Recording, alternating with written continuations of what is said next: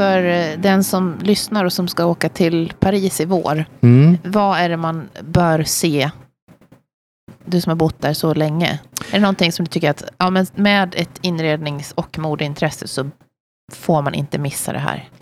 Åker man nu så skulle jag nog säga att en utställning som är otroligt intressant att se är Gio Pontis utställning eh, på Art Decoratif.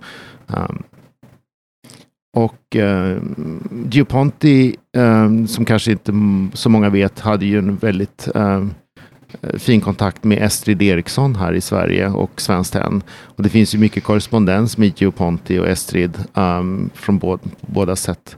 Um, hon umgicks även mycket med Fornasetti och liknande. Så Gioponti-utställningen skulle jag kunna rekommendera.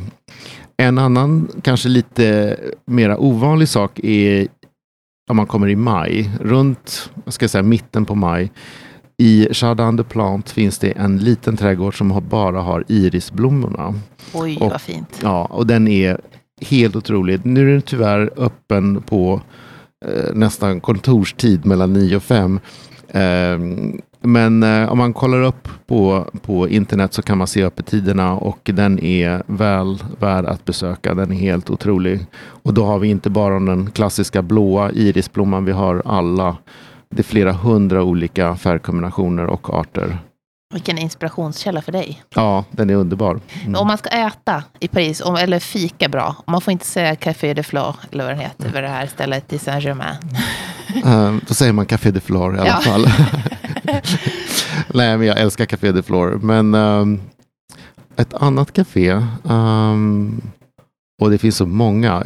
Ett av mina favoriter är um, uh, Le heter det. Och det ligger precis vid Palais Royal.